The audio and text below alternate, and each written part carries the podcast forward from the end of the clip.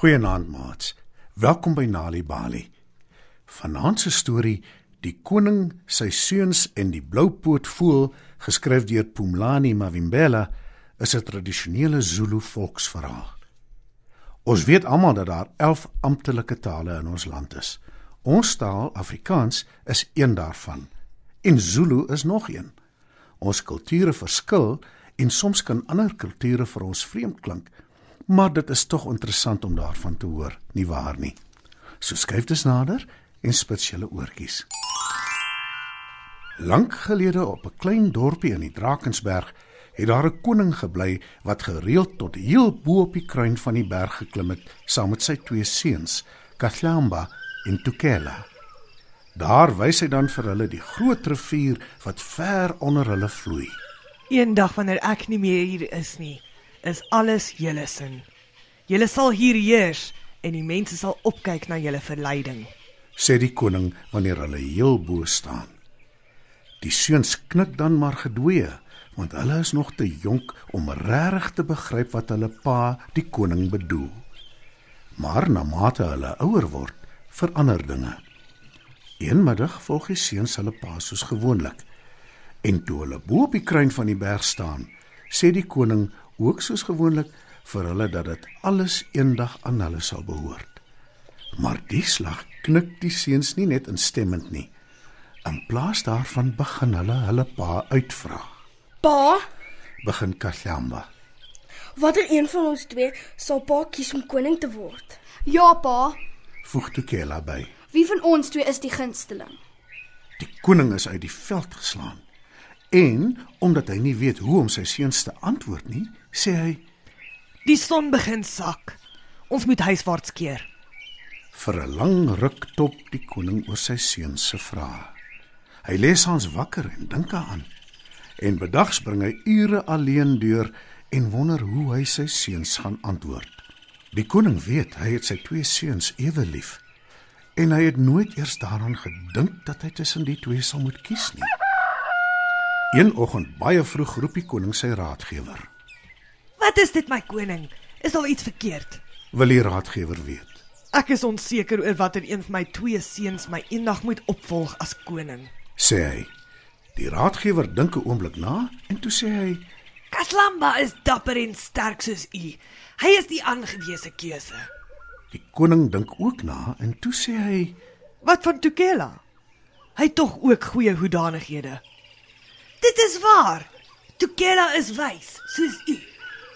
Koning skud sy kop van moedeloosheid, want hy is nou nog meer verward as van tevore oor wat om te doen staan. Maar die aand om middernag toe die koning al slaap, vlieg daar 'n blou pootvoël by sy kamer in en gaan sit op sy bed. Koning, Kruis die voël. Die koning skrik en sit regop in sy bed. wie is jy? En wat soek jy so laat in die aand in my slaapkamer? Sê die koning.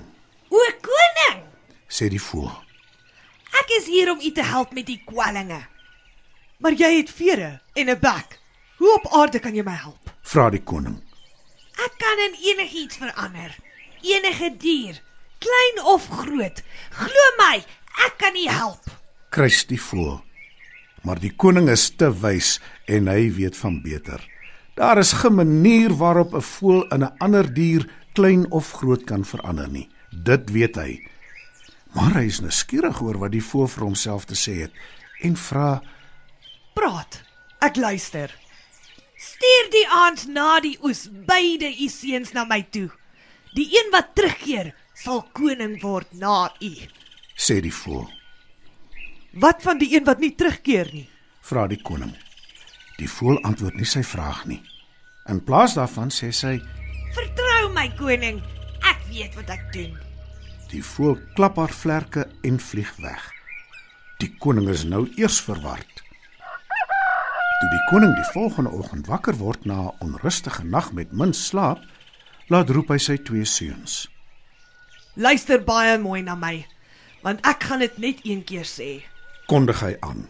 Die oggend van die oes wil ek hê albei van julle moet gaan jag vir 'n kudu. Moenie ons landgrense oorskry nie en maak seker dat julle om middernag die kudu vir my bring. Ja, pa. Sê die koning se seuns gehoorsaam. en toe oorhandig die koning aan elkeen 'n spies om mee te jag. Die oggend van die oes word die twee seuns voor sonop wakker en vertrek om elkeen 'n koeie te gaan jag met die spiese wat hulle by hulle pa gekry het. Niemand behalwe hulle pa die koning weet daarvan nie. Om middernag die aand vlieg die blou poot voel by die koning se kamer in. Dis pikdonker, maar sy sien die koning is wakker en hy wag vir sy seuns om terug te keer. Koning, Kruis die voël. ek het oral na u seuns gesoek, maar ek kon hulle nie kry nie.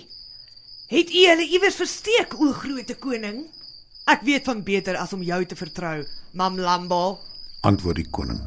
Wat? Hoe ken jy my naam? Sê die voël en die slag sis sy. Mam Lambo is die enigste wese wat in ander diere kan verander. Elke Zulu weet dit. Jy's nie 'n voël nie. Jy is die riviergodin wat soos 'n slang lyk. Antwoord die koning. Wel dan is jy omtrent wys. Net jammer dat jy gaan moet boet daarvoor. Sê die voël. Sy waai haar linkervlerk en verander in 'n slang wat die koning se hele kamer vul. Jy moes na my geluister het en my toegelaat het om een van jou seuns te kies namens jou. Sis die slang dreigend. Ek is nie bang vir jou nie. Roep die koning. So waar. Ons sal sien. Waar is jou seuns? Sê Mamlambo en draai haarself om die koning se lyf. Die koning hyg na asem en sê: Nou goed. Ek gee oor. Ek sal jou sê waar hulle is. Mooi so. "Lag Mamlambo." Waar is hulle? Ek het hulle gestuur om te gaan jag vir 'n kudu. As jy jouself in 'n kudu verander, sal hulle na jou toe kom. sê die koning. En net daar en dan verander die slang in 'n kudu. Waar is hulle? Eis Mamlambo. Skielik storm Kaglamba by die koning se kamer in. Toe hy die kudu sien, gooi hy sy spies na die dier. Mamlambo probeer die spies ontduik, maar sy's te laat daarvoor en dit steek in haar sy. Mamlambo skree so hard dat die hele kamer bewe. Jy het my bedrieg. Ek gaan nou in nog 'n groter slang verander. sê Mamlambo en slaan hard op die grond. Maar in plaas daarvan dat sy in 'n groter slang verander, verander sy in 'n piepklein muur. Die muur probeer wegkom, maar Tukela trap dit dood. En dit is die einde van Mamlambo. Altwee sy seuns het die koning gered. Hoe het julle geweet iets is verkeerd? Vra die koning vir sy seuns. Katlamba verduidelik dat Tukela die een is wat besef het daar is nie kudus in hulle geweste nie. En toe hulle pa vir hulle sê hulle mag nie buite die landsgrense jag nie en hulle moet teen middernag huis toe kom, het hulle geweet alles is nie pleis nie.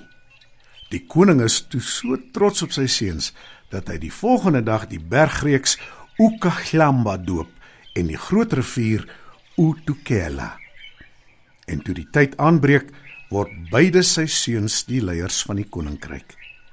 En die Drakensberg word tot vandag toe Ukaglamba en die groot rivier Utekela genoem deur die Zulus in KwaZulu-Natal.